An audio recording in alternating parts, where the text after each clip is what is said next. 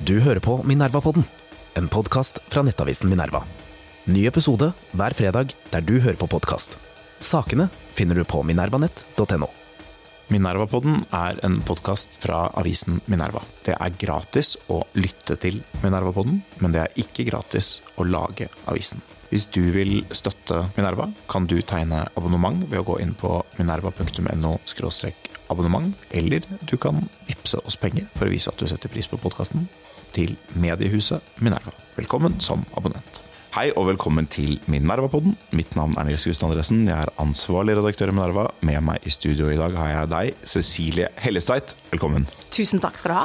Du, vi, har, eh, vi er antagelig litt uenige om mye av det som har skjedd i Russland og Ukraina det siste året. Og det er en veldig fin anledning til å snakke gjennom mange av de store spørsmålene og de ulike perspektivene som finnes på, på alt det som har skjedd det siste året. For dette er en verdensendrende eh, krig på, på, veldig mange måter. Uh, og jeg tenkte vi kunne begynne med å snakke litt om årsakene til denne krigen som har vært eh, diskutert eh, mye i Norge og i andre land i året som er gått. Hvor det på en måte finnes kall det to eller tre hovedperspektiver. Det ene er at Russland svarer på uh, offensive trekk fra Nato. Føler seg presset inn i et hjørne, frykter sin uh, og presses ut fra Svartehav osv. Det andre er at dette er en målrettet plan fra Russland, en revansjistisk plan om å gjenoppbygge et imperium. Hva tenker du om den, den debatten som vi har sett siste året? Jeg tror at denne type konflikter, som jo er eh, en villet krig, det er en krig som en part har startet. Eh, og Så kan vi diskutere om den krigen startet i 2014 eller i 2022. Jeg tenker nok at den store krigen startet i 2022. Eh, og begrunnelsen for Putins angrepskrig ligger mange steder. Den ligger lokalt i Ukraina. Eh, den ligger i relasjonen mellom Ukraina og Russland. Og det kan man på en måte trekke tilbake igjen til eh, i hvert fall til 1990-91 eh, og oppløsningen av Sovjetunionen, men enda lenger tilbake, kanskje. Og så ligger den i et regionalt sikkerhetsbilde hvor østeuropeiske land, da de fikk muligheten, søkte seg vestover til Nato og EU, i så stor grad som det var mulig, i det, skal vi si, det lille det, det, det vinduet da, kan du si, som oppsto på 90-tallet særlig. Dette var jo ting som startet på 90-tallet, og det som skjedde på 2000-tallet var egentlig konsekvenser av prosesser som ble satt i gang på 90-tallet. Og så har du en større situasjon som endrer seg etter mitt skjønn ca. i 2006 og 2007 og 2008. Og det er en eh, amerikansk endring i forhold til hvordan amerikanerne ser på verden og hvor de skal legge sin hovedfokus. Og De begynner å signalisere tilbaketrekning fra Midtøsten og Europa militært, og en orientering mot eh, Asia. Og Det skjer før Obama, egentlig. Og Det gjør at russerne altså Vladimir Putin, som da allerede har sittet ganske lenge ved makten, og har på en måte klart å bruke krig til å holde den russiske føderasjonen sammen gjennom Tsjetsjenia-krigen i, i 1999 og 2000. Eh, begynner å endre innstilling på hvor Russland skal være i den nye verden etter at amerikanerne orienterer seg mot Asia. Og jeg tror nok at den, altså alle disse nivåene her i fellesskap er med på å forklare det som skjedde i 2022. Eh, for et år siden. Dette var, dette var, litt skuffende, for nå trodde jeg at vi skulle være ordentlig uenige. Men, så, men dette var jo mye enig. Men jeg vil si et par andre ting for å, for å fylle ut litt. Altså, det er jo interessant du sier denne endringen rundt 2006-2008. Ja. Det er jo akkurat da vi begynner å få dette ordet 'pivot to Asia' i amerikansk politikk. Bush har en veldig stor satsing på India, og man forsøker å bygge opp disse alliansene med statene rundt Kina for å liksom kontre den, den fremvoksende rivalen. Um, og akkurat da er jo da Putin er på, i München og, og, har denne berømte talen sin hvor han snakker om mange av disse tingene. Um, og, og, dette er jo akkurat samtidig som oljeprisen er på, sitt, uh, på et historisk høydepunkt, og Russland føler seg veldig sterkt. Uh, og så kan du si at Det er jo på en måte den økonomiske toppen. altså økonomien har vokst siden det, men oljeprisen har gått ned og utfordringene er på en måte blitt større. Så Man kunne også måte si at Russland, hvis de ville gjøre noe, så hadde de også Russland et tidsvindu nå, måte, før styrkeforholdet blir Eh, enda verre for dem i en viss forstand. Men eh, ikke sant, på dette tidspunktet her så deltar jo Russland i en Nato-operasjon. Én for alle, alle for én i Middelhavet, mot terrorisme. Eh, ikke sant? Og Russland er inne i varmen på en helt annen måte. Og det som skjer eh, i 2007 og 2008, opp mot dette Nato-møtet i Bucuresti, eh, da Georgia og Ukraina får en sånn Dere skal få, kanskje bli medlemmer en gang seinere. Ja. Det er jo da denne motsetningen egentlig mellom eh, det kontinentale Europa, Vest-Europa, Tyskland og Frankrike på den ene siden, og USA, Storbritannia og de eh, gamle østblokklandene eh, oppstår. Fordi de ønsker å styrke på en måte beskyttelsen, ikke bare mot Russland, men særlig mot sør. Fordi man ser for seg at her kommer det til å bli ganske rufsete fremover. Så det med å på en måte få inn Ukraina og Georgia har en sikkerhetspolitisk rasjonale som ikke egentlig handler om Russland. Særlig fra amerikansk og, og britisk hold. Og de østeuropeiske landene de ønsker enhver form for, for bolverk mot, mot det Russland som de frykter skal komme tilbake igjen. Mens Vest-Europa, og særlig tyskerne og franskmennene, de er på en annen eh, historisk galei. ikke sant? De skal bygge relasjoner, handel, gjensidig økonomisk avhengighet med Russland, slik at dette skal på en måte bli det 21. århundre som noe helt annet mm. enn det 20. århundre og alle de århundrene som ligger bak for Europas del. Og Det er klart, det er den, det er den motsetningen der som Russland jo etter hvert klarer å spille ganske mye på. Eh, og, men som jeg tror vi kan si ett år etter krigen, invasjonen i fjor, har vist seg å, å, være en styrke for Nato, fordi du har fått en, en slags i hvert fall midlertidig slutting av rekkene som har vært ganske formidabel. Men få, få din take litt på, på, noen av de debattene om akkurat det. fordi liksom, Det er også to forståelser. En er at denne endringen i Russland kom som en følge av Eh, av de Nato-ekspansjonene som hadde vært. og Det er flere som har frontet det standpunktet veldig tydelig. At Å si at Nato-medlemskap til Polen, til Baltikum, det gjorde at Russland følte at de ikke hadde noe valg. Men sånn som jeg leser det her litt, så er det egentlig ikke det du sier i det hele tatt. Du, du gir på en måte amerikanerne litt rett og, og mener at denne tyske troen på bare vi handler litt, så blir de snille, at den egentlig alltid var ganske naiv. Jeg tenker nok at dette har blitt opplevd helt ulikt i Eh, USA, som har sine egne hensyn å ta, eh, i eh, Berlin og i Moskva. Så de tre på en måte fortellingene om denne prosessen her ser ganske ulike ut. Og jeg er opptatt av at Norge skal ha sin fortelling. Mm. og den, etter mitt skjønn så ser den annerledes ut enn alle disse tre. For vi var i Nato på dette tidspunktet. Vi har vært med Nato hele veien, og det er på en måte en grunnstein i vår sikkerhet. Og så er mitt spørsmål, og det har jeg på en måte tenkt eh, ganske mye på de siste årene, fordi jeg ser hvordan amerikansk reorientering mot Asia fører til veldig mye uro og eh, spenninger og militær maktbruk som man ikke har hatt de siste 70 år etter andre verdenskrig. Og mitt spørsmål er jo, kommer det også til å ramme Norge? Og Det er min bekymring her. Eh, at vi ser for mye på narrativen til eh, USA versus Russland versus Europa. Vår narrativ tenker jeg er viktig at vi ser på først og fremst. da. Hvor havner Norge i dette bildet her? Fordi disse, disse utviklingstrekkene vi snakker om nå, foranledningen til denne krigen her, det er store strukturelle endringer, etter mitt skjønn. Eh, hvor man, noen har åpenbart feilet, fordi hvis de ikke ikke hadde gjort det, så hadde vi ikke hatt en krig i Europa. Eh, og eh, Vladimir Putin er den som har truffet det valget, og han er ansvarlig for det. Men det er, det er jo en foranledning til det. Du går ikke til angrepskrig på et annet land med hele din militære kapasitet hvis ikke det er en foranledning, og hvis ikke du har, etter mitt skjønn, minst to, tre, kanskje fire ting som du skal oppnå eh, parallelt med det. Fordi det er det som er karakteristisk for villede kriger. De har alltid flere hensikter som de på en måte skal ivareta. Jeg synes Det er et viktig punkt. for det er jo at det, Når man snakker om hva som er årsaken, så er det mange som på en måte fremmer én forklaring. Men hvis en beslutning skal tas ja, I Russland er jo beslutninga ganske sentralisert, i og for seg, men, men, både kan en person ha mange grunner samtidig, noen bevisst, noen ubevisste. Men ofte er du avhengig av en koalisjon av Eh, krefter i samfunnet og av mennesker i toppen som kan ha ulike motivasjoner.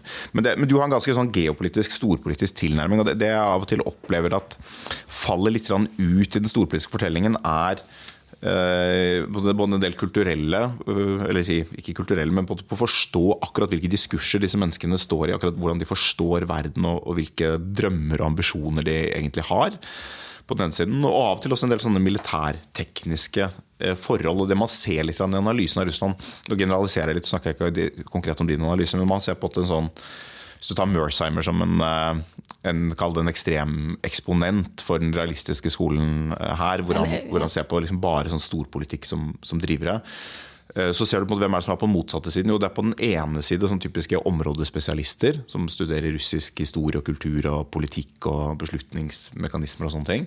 Mm. Og på den andre side er det mange sånn militærfaglige miljøer eh, som f.eks. avviser en del av de anførslene Mersheimer kommer med. Her, her, har du russiske militære bekymringer der og der. Så sier de Eh, det er irrelevant for Russland, fordi russisk strategisk avskrekning handler om, eh, om atomvåpen og Murmansk og atombåter og sånn, og ikke, eh, ikke så veldig mye om Ukraina, og ikke engang om Svartehavet.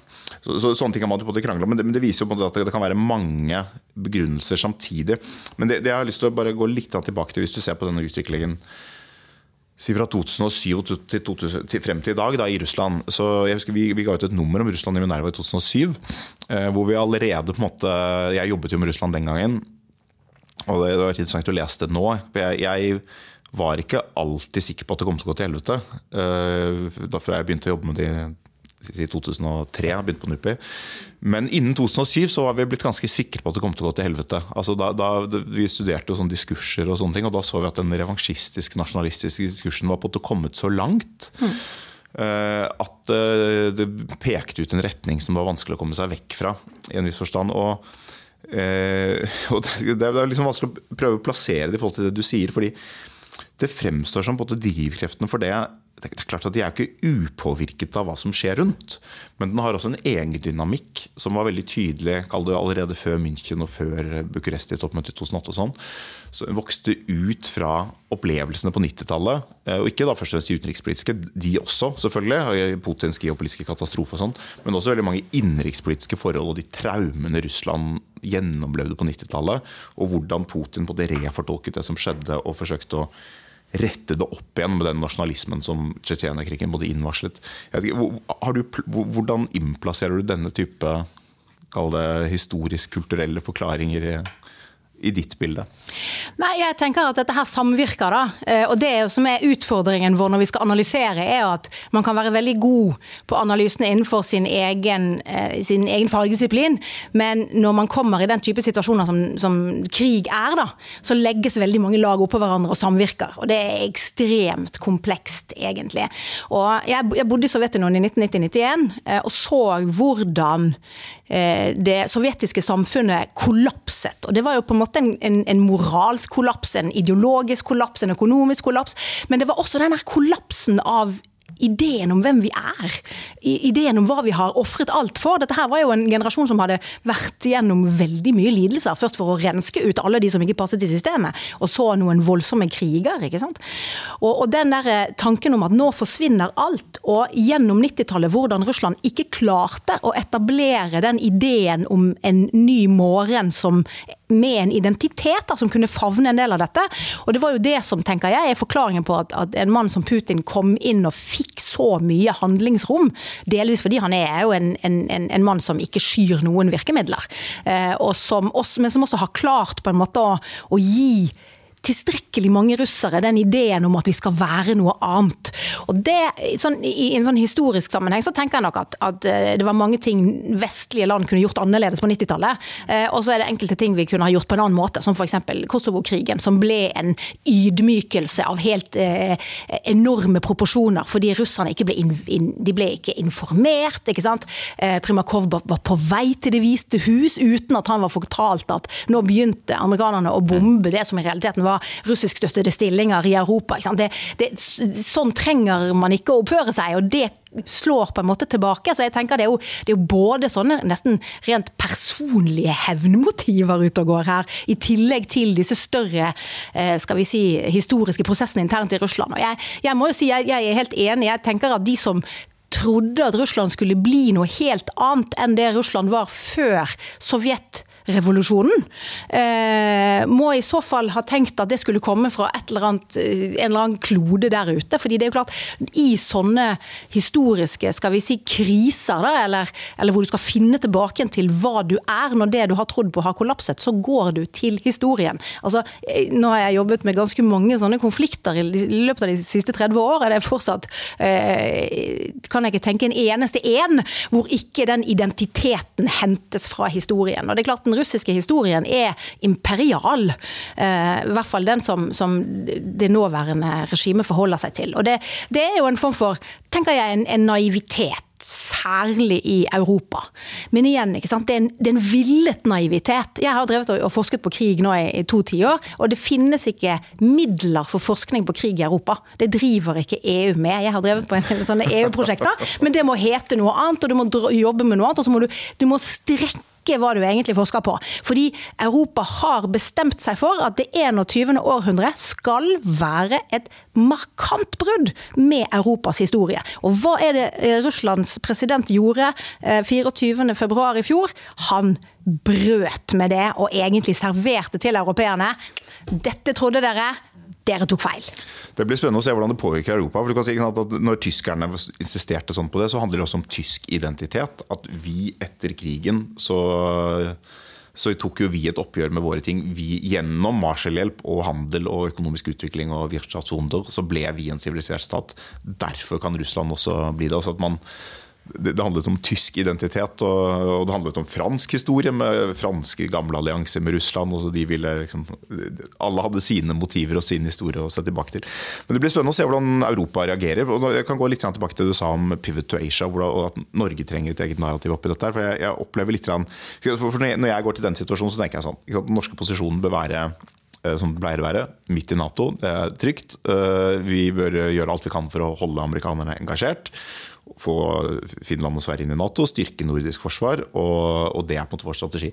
Men jeg opplever at du kanskje er enda mer jeg er i og for seg bekymret for det, men jeg opplever at du er kanskje enda mer opptatt av at betydningen til amerikanerne kanskje er på vei ut, og hva det gjør med europeisk uh, sikkerhet både, både, nå og kanskje etter krigen. Kan, er det riktig forstått? Kan du si litt mer ja, det er riktig forstått. Nå, ja. nå, tror jeg nok at amerikanernes eh, på en måte prioriteringer eh, i Europa kommer til å ligge mer til sjøs enn til lands. Og de kommer til å ligge kanskje mer i, i Nord-Atlanteren, altså i våre maritime nærområder, enn på kontinentet.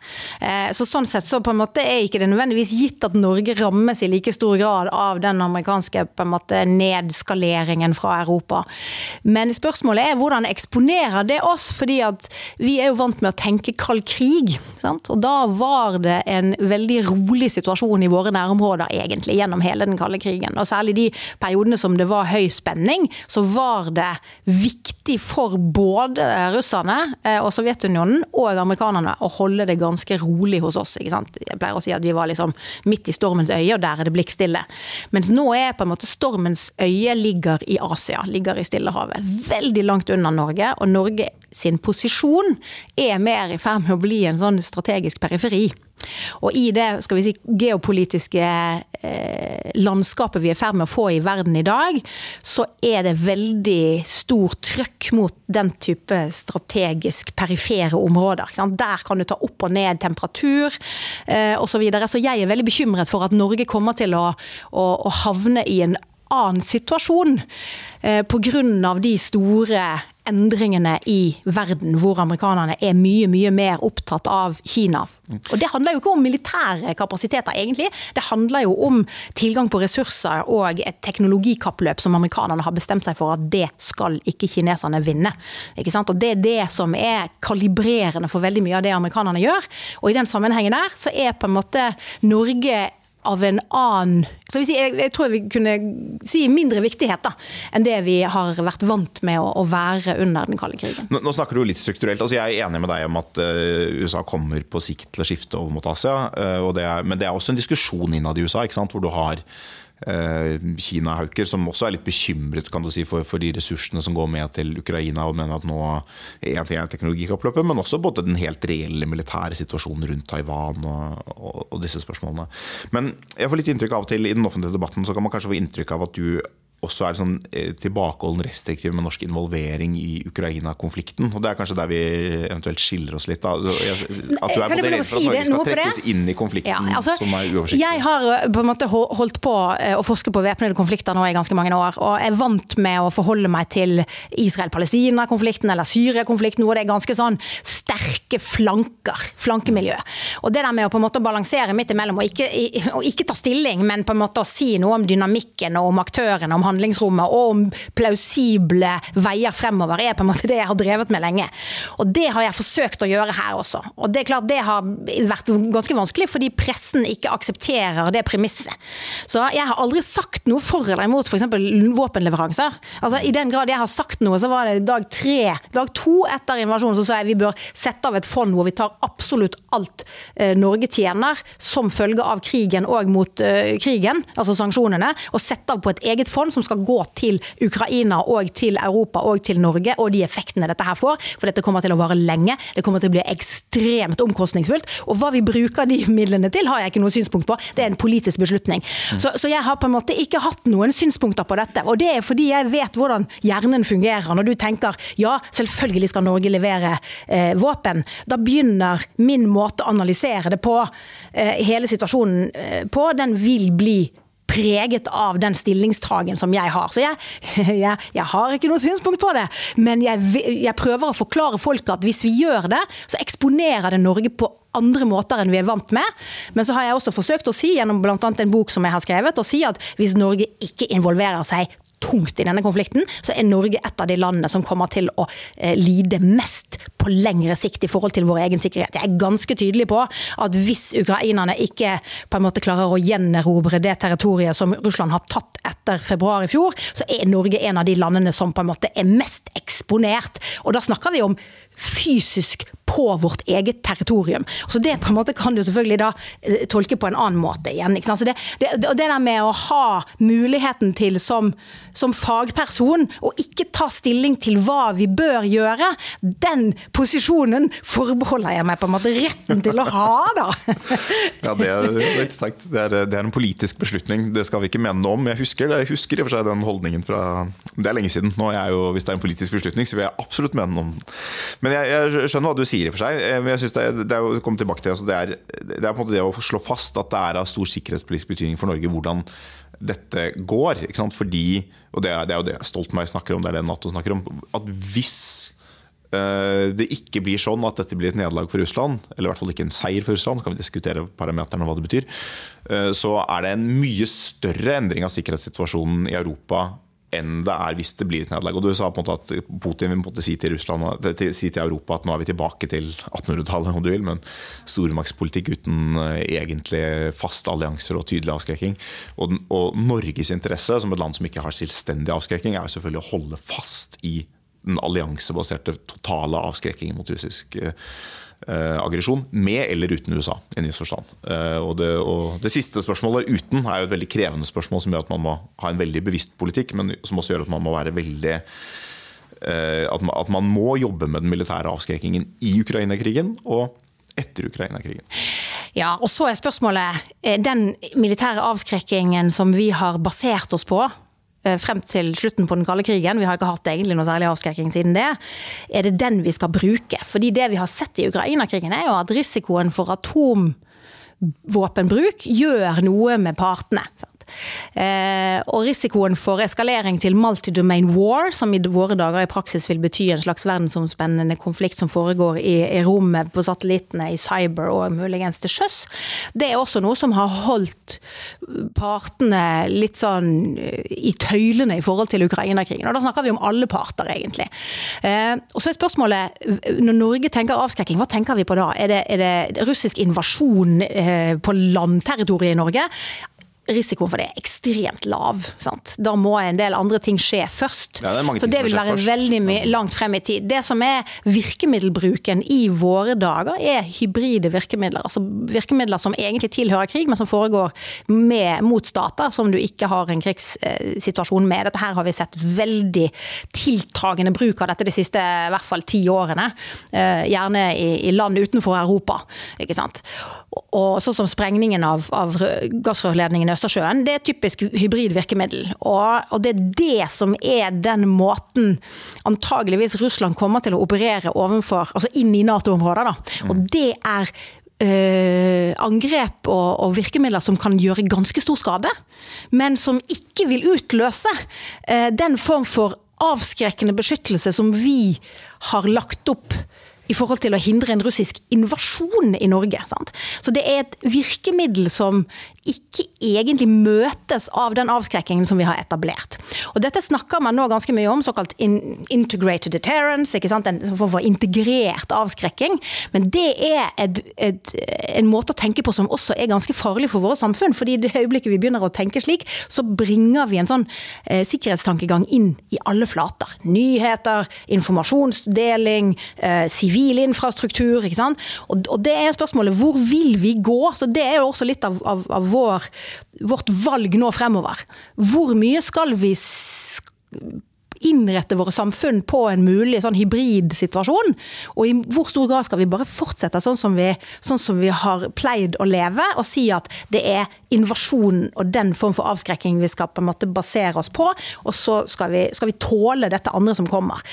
Og, og, og det er en, en, vanskelig diskusjon, fordi vi vet hvor mye trollingen til land som Russland og Kina i eh, sosiale medier f.eks., hvor mye det får å si for vår egen offentlighet. Og, og det, er, si det er noen utfordringer her som er ganske grunnleggende for oss, altså, uansett hvordan Det har vært en diskusjon i USA altså, med den russiske involveringen i, valget i 2016. Det er mye man kan si om det, skal ikke telle den diskusjonen. men, men en, eh, en, kritikk som har kommet her, er at USA på en måte ikke besvarte eh, det som skjedde. Og Det handlet jo om at man brukte tid på attribusjon. og Den var kanskje usikker, og man tenkte at man tålte det, man tenkte at det gikk bra osv. Og, eh, og så kom det ingen reaksjon, eh, og dermed har Russland fortsatt å utvikle dette repertoaret av, av, virkemidler. Burde man ha tydeligere reaksjoner, eh, og hva slags reaksjoner kan man egentlig se for seg? Og har du noen tanker om det? Jeg tenker nok at eh, de, En del av de reaksjonene foregår jo i rom som ikke blir avslørt. Og det at de ikke blir avslørt for på en måte allmennheten,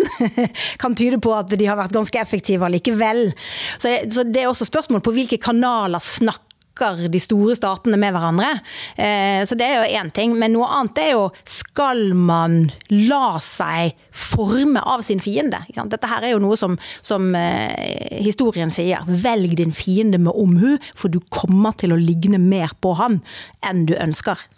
Så spørsmålet er skal vi la russerne og kineserne til dels trekke oss i den retningen der, eller skal vi insistere på at vi gjør ting på en annen måte, og heller bli enige med oss selv om at vi skal ha en form form for soliditet da, som gjør at vi, er, at, vi, at vi, insisterer på å stå imot dette vår, på våre egne premisser. Det er det store spørsmålet. Og jeg er veldig bekymret, for jeg ser den tendensen til at vi trekkes mot de virkemidlene som tross alt ligner mer på det Russland og Kina holder på med. Sant?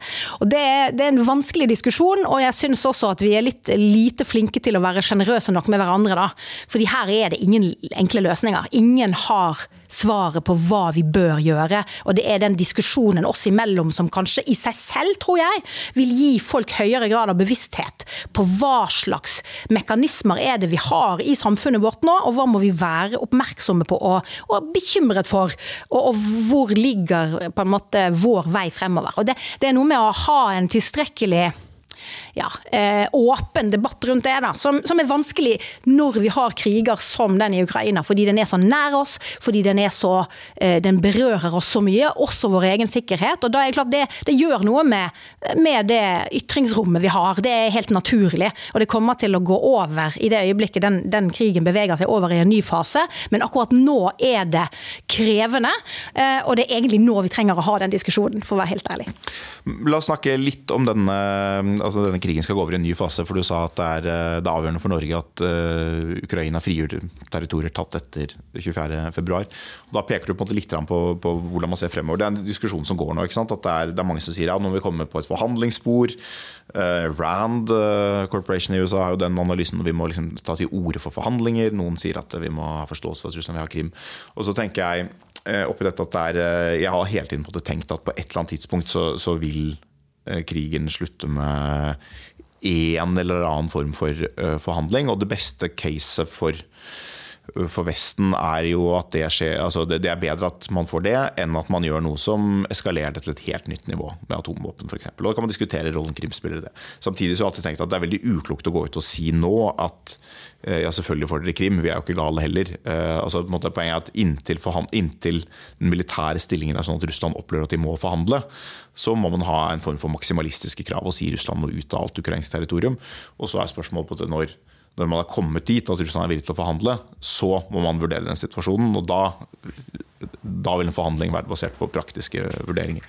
Hva, du, hva, hva, tenker du om uh, utfallet? Jeg tenker at Forhandlinger er veldig krevende i Ukraina, fordi russerne har tatt såpass mye territorium etter eh, februar i fjor, som de står og holder nå.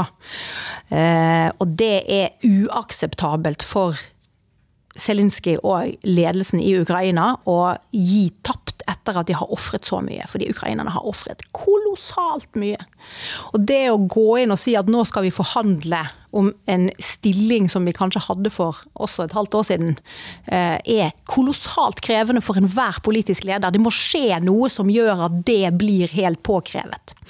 Og det ser jeg ikke helt skje på en stund. Nei, og så har du på en måte Putin sin side, som, som, hvor, hvor, jeg tror også det at for Vladimir Putin, som har feilberegnet veldig mye her, det er det jo ingen tvil om, og har tapt strategisk, operasjonelt og taktisk på mange plan, han har erobret territorium med en enorm omkostning for russiske liv.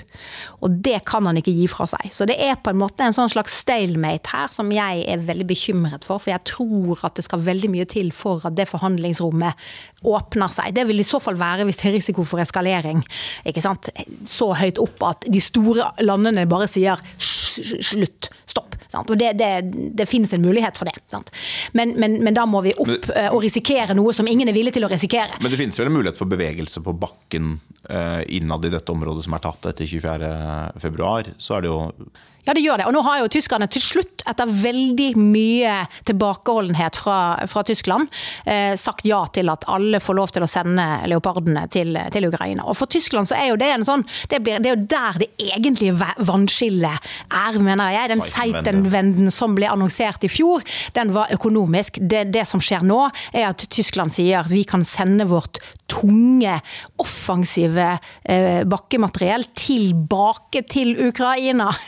For der har tyskerne vært før og møtt russerne. ikke sant? Så det er jo en sånn, det er noen historiske klokker som kommer til å tikke av i Russland, som ikke kommer til å gjøre det lettere å løse dette etter at det står tyske tanks eh, Tror på bakken. Du ikke det? Altså, jeg tenker at altså, Russland har ikke så veldig mye med å eskalere med konvensjonelt i en viss forstand. Altså, jeg, jeg tenker litt annerledes. Jeg tenker at Vesten har Eh, fokusert for mye på eskalering på, på feil premisser. Altså, eh, atomeskalering må man selvfølgelig eh, tenke på til enhver tid. Men når det gjelder en konvensjonell eskalering, så opplever jeg at um, Natos doktrine under den kalde krigen handlet om å ha eskaleringsdominans. Vi skulle være, de skulle frykte vår eskalering, ikke motsatt. Og nå er det sånn at Man har regnet til å sende stridsvogner til et område hvor det allerede er tusenvis av stridsvogner. Man har regnet til å sende liksom, 100 moderne vestlige stridsvogner som en slags eskalering, og fryktet en annen russisk respons. Og Da er spørsmålet hvilken respons er det, utover at de allerede har hele sin styrke så å si, i Ukraina med alle de våpen som de finner formålstjenlige.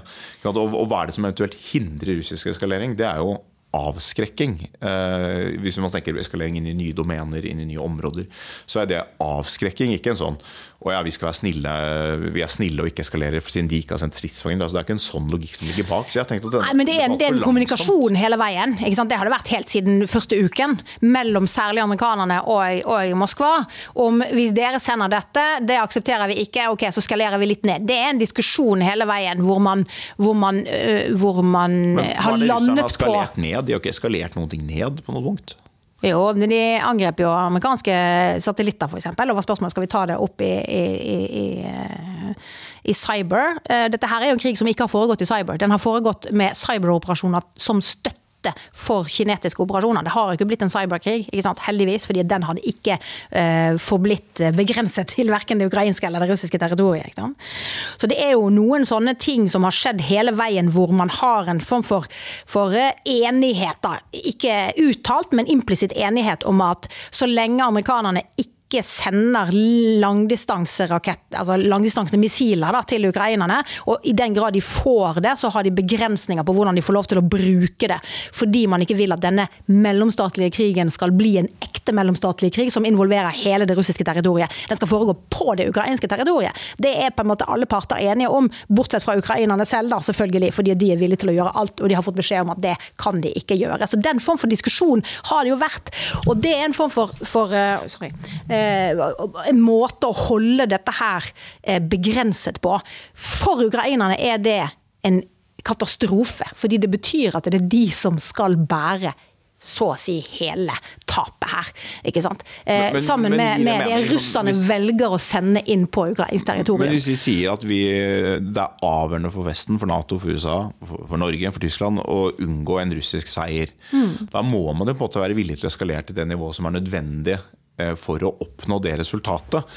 Og jo lengre tid man bruker på det, Uh, altså, jo mer makt gir man til denne, til denne kalde eskaleringsretorikken. Helt enig i det. Altså, det. det. du så den første uken av denne krigen, da var ammunisjonsbruken så massiv at en del land i Europa ville gå tom i løpet av dager. Så Europa har ikke vært satt opp for denne type kriger. Og du klarer ikke å skaffe deg ammunisjon i løpet av relativt kort tid. Eh, Nå er ammunisjonsbruken Fire perioder det siste året har ammunisjonsbruken i Ukraina vært så sinnssykt høy at det, det går på hele produksjonskapasiteten i Nato løs. Eh, og det er klart, eh, Nato har ikke satt seg opp for denne type krig, og særlig ikke Europa. Det gjør at det er amerikanerne som i realiteten må trå til. og det som har kommet fra europeisk hold i denne krigen, tror jeg historikerne kommer til å være ganske enige om. Too little, too late. Så Det kommer også til å være en del av den, den historieskrivningen om denne konflikten, tror jeg. Eh, men det har jo også sammenheng igjen da med det valget om å si vi skal ikke ruste opp i Europa, vi skal ruste ned, og så skal vi ruste opp økonomien. Igjen, dette sier jeg ganske ofte. Da Russland gikk inn i Syria i 2015, så valgte tyskerne å trekke tilbake igjen sine tunge våpen fra Tyrkia, fordi de ville ikke risikere å bli implisert i en krig med Russland på andre siden. I stedet så valgte tyske politikere å si vi skal eie det russiske budsjettet. To tredjedeler av inntektene til, russisk, til Russland eh, i januar i fjor gikk enten til Brussel eller til Berlin. Fordi man skal sørge for at det blir umulig for Russland å ta krig som virkemiddel til Europa igjen. Og når Russland da gjør det, så blir Europa sittende skal vi si, med skjegg i postkassa. Det er, det er et strategisk valg som Europa har tatt, og som historien også kommer til å dømme eh, de politikerne ganske hardt for, tror jeg. Da snakker vi om Angela Merkel, gjør vi det? Vi snakker om eh, mange, mange. tror jeg. Men eh, du, du, sa at Putin Også i vårt eget land, for øvrig. du sa at Putin annonserer på en måte 1800-tallets tilbakekomst, om du vil. Men eh, hvis du tenker på identitet, at land går tilbake til sin historie for å finne identitet altså jeg mener Europa har jo vært i stand til å både krige og være ganske dyktige realpolitikere tidligere. Tror du, vi, tror du det er et Zeitenwende? At vi får se et Tyskland, et Frankrike, et EU, et Norden kanskje, som agerer, et Polen, som agerer som kapable Eh, og sterke eh, strategiske og militære spillere. I, i, hvert, fall i, våre, i hvert fall regionalt. Jeg håper det. Jeg, jeg, jeg, klamrer meg til håpet, tror jeg vi kan si. Nå er det slik at EU eh, har kun tatt steg fremover etter kriser, eller i kriser, som et svar på kriser. Det Europa burde ha gjort, var at i 2000 ja, i hvert fall 2014, så burde EU ha begynt å planlegge for en helt ny virkelighet. Da russerne tok på en måte militærmakt som virkemiddel til det europeiske territorium i Ukraina, burde det Det var da man burde hatt en skikkelig vekker i samtlige europeiske land. Det skjedde ikke. Ja, det er eurokrise, flyktningkrise ja. og brexit-krise og Trump. Ja.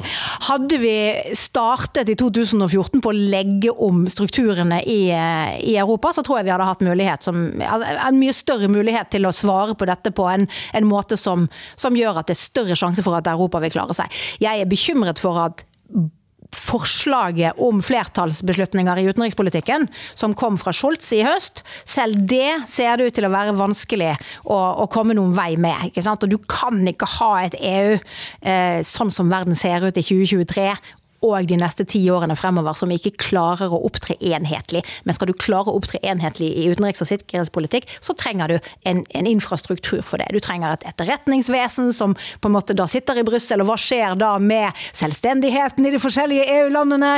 Er det tyskerne og Frankrike som skal styre skuta, eller tyskerne til syvende og sist? Det kommer til å bli veldig vanskelig. Og så er spørsmålet er krigen i Ukraina stor nok og farlig nok for oss til at Europa klarer det. Jeg tror den er farlig nok, men jeg tror ikke europeerne forstår det. Det var dystre ord eh, som vi avslutter med, men vi får jobbe for eh, Vi, vi som kan ta mene noen politiske beslutninger, vi kan jobbe for å endre dem. Og jobbe for å styrke EU, styrke samarbeidet i Norden og ruste opp. Cecilie Hellesveit, tusen takk for at du kom i studio. Takk for at jeg fikk komme.